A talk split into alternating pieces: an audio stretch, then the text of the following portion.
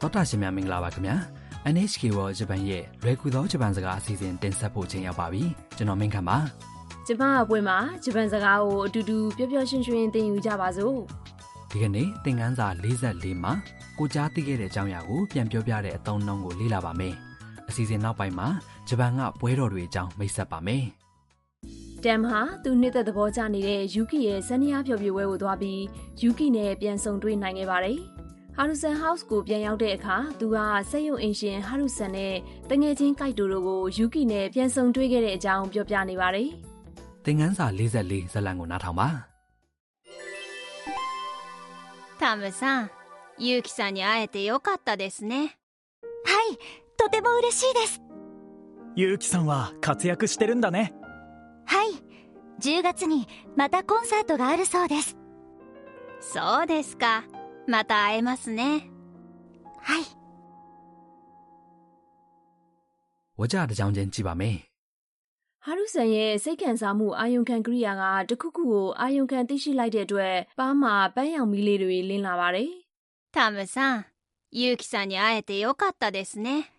တမ်ဆန်ယူကီဆန်နဲ့တွေ့ခဲ့ရတာကောင်းလိုက်တာနော် တမ်ကပြန်ပြောပါတယ် はい、とても嬉しいです。 ဟုတ်ကဲ့သိပ်ဝမ်းသာပါတယ် ။ကိုက်တိုကတမ်ကိုပြောပါတယ် ゆうきさんは活躍してるんだね ယူကီဆန်ကအောင်မြင်လှုပ်ရှားနေတာပဲနော် ။တမ်ကထောက်ခံပါတယ် はい、 ဟုတ်ကဲ့ 10月にまたコンサートがあるそうです。 အော်တိုဘာလမှာနောက်ထပ်ဖျော်ဖြေပွဲရှိတယ်လို့ဆိုပါတယ် ။ဟာရူဆန်ကပြောပါတယ်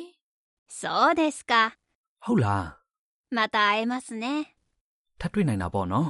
။တမ်ကနည်းနည်းရှက်သွားတဲ့ပုံနဲ့ပြန်ဖြေပါတယ် はい、 ။ဟုတ်ကဲ့ ။တမ်ကယူကီနဲ့တွေ့ခဲ့ရတော့တော်တော်ပျော်နေတဲ့ပုံပဲနော် ဟုတ်တယ်ဝမ်းသာစရာပဲနော်။ဒီကနေ့အတွက်အဓိကအသုံးနှုန်းက またコンサートがあるそうです。 နောက်ထပ်ဖျော်ဖြေပွဲရှိတယ်လို့ဆိုပါတယ်ဖြစ်ပါတယ်။ဒီပုံစံကိုသိသွားပြီဆိုရင်ကိုကြားသိခဲ့တဲ့အရာကိုပြန်ပြောပြတတ်သွားပြီဖြစ်ပါတယ်။အတိတ်ဘယ်တွေကိုကြည့်ပါမယ် また ။ဆိုတာနောက်ထပ် コンサート ဆိုတာဖျော်ဖြေပွဲ ある ဆိုတာရှိတယ် あるそうです ဆိုတော့ရှိတယ်လို့ဆိုပါတယ်ဖြစ်ပါတယ်ဒီကနေ့အတွက်အဓိကအချက်ပါကိုကြားသိခဲ့တာကိုတရားရကိုပြန်ပြောပြတဲ့အခါဝကြအဆုံးမှာ そうです ပေါင်းရပါတယ် そうです ရဲ့ရှေကကရိယာနာမဝိသေသနစတာတွေပါတဲ့ဝကြဟာတာမန်ပုံစံဖြစ်ရပါမယ်တာမန်ပုံစံဆိုတာ this တွေ must တွေမပါတဲ့ပုံစံဖြစ်ပါတယ်ဒီဇာတ်လန်ထဲမှာတမ်ကယူကီစီကနေနောက်ထပ်ဖြောပြပွဲရှိအောင်မယ်လို့ကြားခဲ့တာကိုဟာရူဆန်နဲ့ခိုက်တိုကိုပြန်ပြောပြတာဖြစ်တာကြောင့် ある ရှိတယ်ဆိုတဲ့ကရိယာရဲ့နောက်မှာ そうです ပေါင်းပြီးတော့ပြောလိုက်ပါတယ်။အာဓုရေရင်ရင်ကြီးကြီးပြောတဲ့ပုံစံက あります ဖြစ်ပါတယ်။တာမန်ပုံစံကတော့အဘိဓမ္မာပုံစံဖြစ်တဲ့အာဓုပဲဖြစ်ပါတယ် ။သရရှင်တို့နားထောင်ပြီးနောက်ကလိုက်ပြောကြည့်ပါဦး コンサートがあるそうですまたコンサートがあるそうです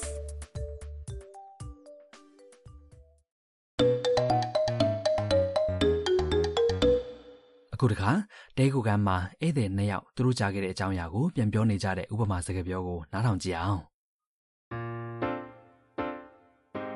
明日からお祭りだそうですね。ええ、でもすごく混むそうですよ。 ။အတိပ္ပယ်တွေကိုကြည့်ပါမယ် 明日からお祭りだそうですね。 ။မနေ့ပြန်ကစပြီးပွဲတော်ရှိတယ်လို့ဆိုပါတယ် 明日から ။ဆိုတာမနှက်ဖြန်ကစပြီး お祭り ဆိုတာပွဲတော်ပါ そうです ။ရေအရှိမပါတဲ့ お祭りだ ဆိုတာက お祭りです ရဲ့တာမန်ပုံစံဖြစ်ပါတယ်။နန်သို့မဟုတ်နာနာမဝိသေသနာပါတဲ့ဝါကျတွေမှာ this ကို da လို့ပြောင်းလိုက်ရင်တာမန်ပုံစံဖြစ်သွားပါပြီ ええ、でもすごく混むそうですよ。 ။ဟုတ်တယ်ဒါပေမဲ့လူရမ်းရှုပ်တယ်လို့ဆိုပါတယ် A ။ဆိုတာဟုတ်မှန်ကြောင်းတုံ့ပြန်ပြောတဲ့စကားဖြစ်ပြီး hi နဲ့အဓိပ္ပာယ်တူပါတယ် でも ။ဆိုတာဒါပေမဲ့လို့အဓိပ္ပာယ်ရတဲ့စကားဆက်တာမန်တာပါ すごく ။ဆိုတာအရန် 混む ဆိုတာကတော့လူရှုပ်တယ်လို့အဓိပ္ပာယ်ရတဲ့ကရိယာဖြစ်ပြီးအဘိဓမ္မာပုံစံတာမန်ပုံစံဖြစ်ပါတယ် အဆုံးမှာပါတယ်ယို့ကတစ်ဖက်လူမသိသေးတဲ့အကြောင်းအရာတစ်ခုခုကိုပြောပြတဲ့အခါမှာသုံးတဲ့စကားလုံးဖြစ်ပါတယ် တရာရှင်တို့ပြန်နှားထောင်ပြီးလိုက်ပြောကြည့်ပါ 明日からお祭りだそうですねでもすごく混むそうですよ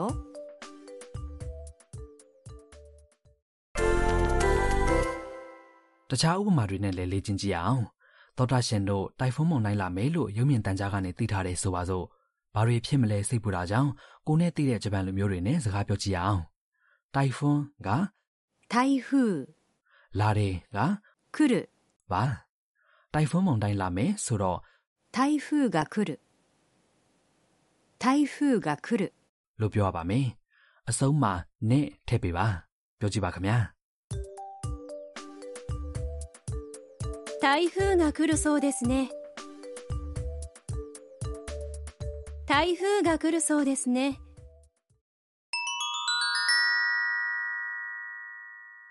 ဆက်ဆက်တိုးပွားစကားလုံးများကဏ္ဍပါဒီကနေ့ဇက်လတ်မှာ 10月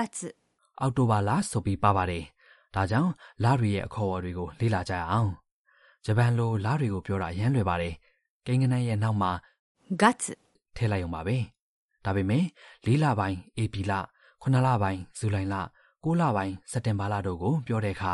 အတန်အတွက်ပြောင်းတဲ့အတွက်သတိထားရပါမယ် ဒါဆိုစပါမယ်တရာရှင်တို့နောက်ကလိုက်ပြောကြည့်ပါဇန်နဝါရီလ 1月 ဖေဖော်ဝါရီလ 2月 မတ်လ 3月 ဧပြီလ 4月 မေလ 5月 ဇွန်လ 6月 ဇူလိုင်လ 7月 ဩဂုတ်လ 8月 စက်တင်ဘာလ 9月 အောက်တိုဘာလ 10月 နိုဝင်ဘာလ 11月 ဒီဇင်ဘာလ 12月 ။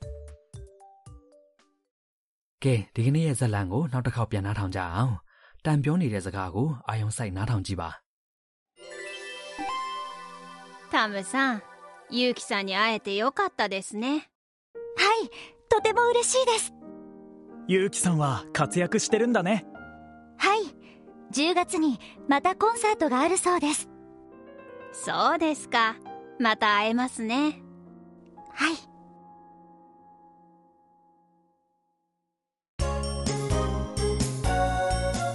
ミーヤーのトラベルガイド အခုဆက်ပြီးမိယာရဲ့ခရီးသွားလက်ညွန်ကဏ္ဍပါဒီနေ့ဂျပန်ကပွဲတော်တွေအကြောင်းမိတ်ဆက်ပေးပါမယ်ကိုမင်းခန့်ရေဂျပန်မှာပွဲတော်တွေအများကြီးရှိရနော် ။ဟုတ်တယ်မပွင့်ရဲ့နိုင်ငံအနှံ့ကဒေသအသီးသီးမှာရိုးရာပွဲတော်တွေရှိတယ်။ဒါကြောင့်အားလုံးပေါင်းလိုက်ရင်ပွဲတော်ရေးအတွက်သိန်းနဲ့ချီပြီးရှိတယ်တဲ့။ ဟုတ်လားဘယ်လို့ပွဲတော်မျိုးတွေရှိလဲဟင် နွေဦးရာသီဆိုရင်တစ်နှစ်တာစဘာအထွက်ကောင်းစေဖို့ဆူတောင်းတဲ့ပွဲတော်တွေရှိတယ်။နွေရာသီဆိုရင်တော့အနာရောဂါမဖြစ်ဖို့တဘာဝဘေးမကြောက်ရောက်စေဖို့ဆူတောင်းတဲ့ပွဲတော်တွေကိုကျင်းပကြတယ်။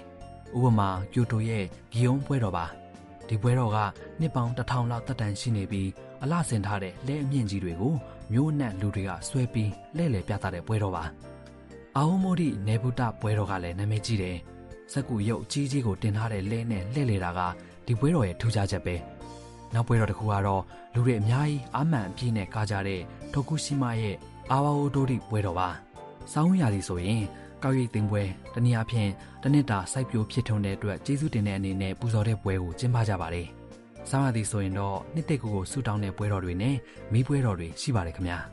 ပွဲတော်တစ်ခုချင်းစီမှာသူ့ရဲ့ပင်ကိုထူးခြားချက်တွေရှိပြီးဆူတောင်းမျိုးမျိုးလဲပါနေရနော် ။ဟုတ်ပါတယ်။ဒေါက်တာရှင်တို့ဂျပန်ကိုလာလဲတဲ့အခါဒီပွဲတော်တွေကိုကိုယ်တိုင်တွေ့ကြုံပြီးပျော်ရွှင်ခံစားကြည့်ပါခင်ဗျာ။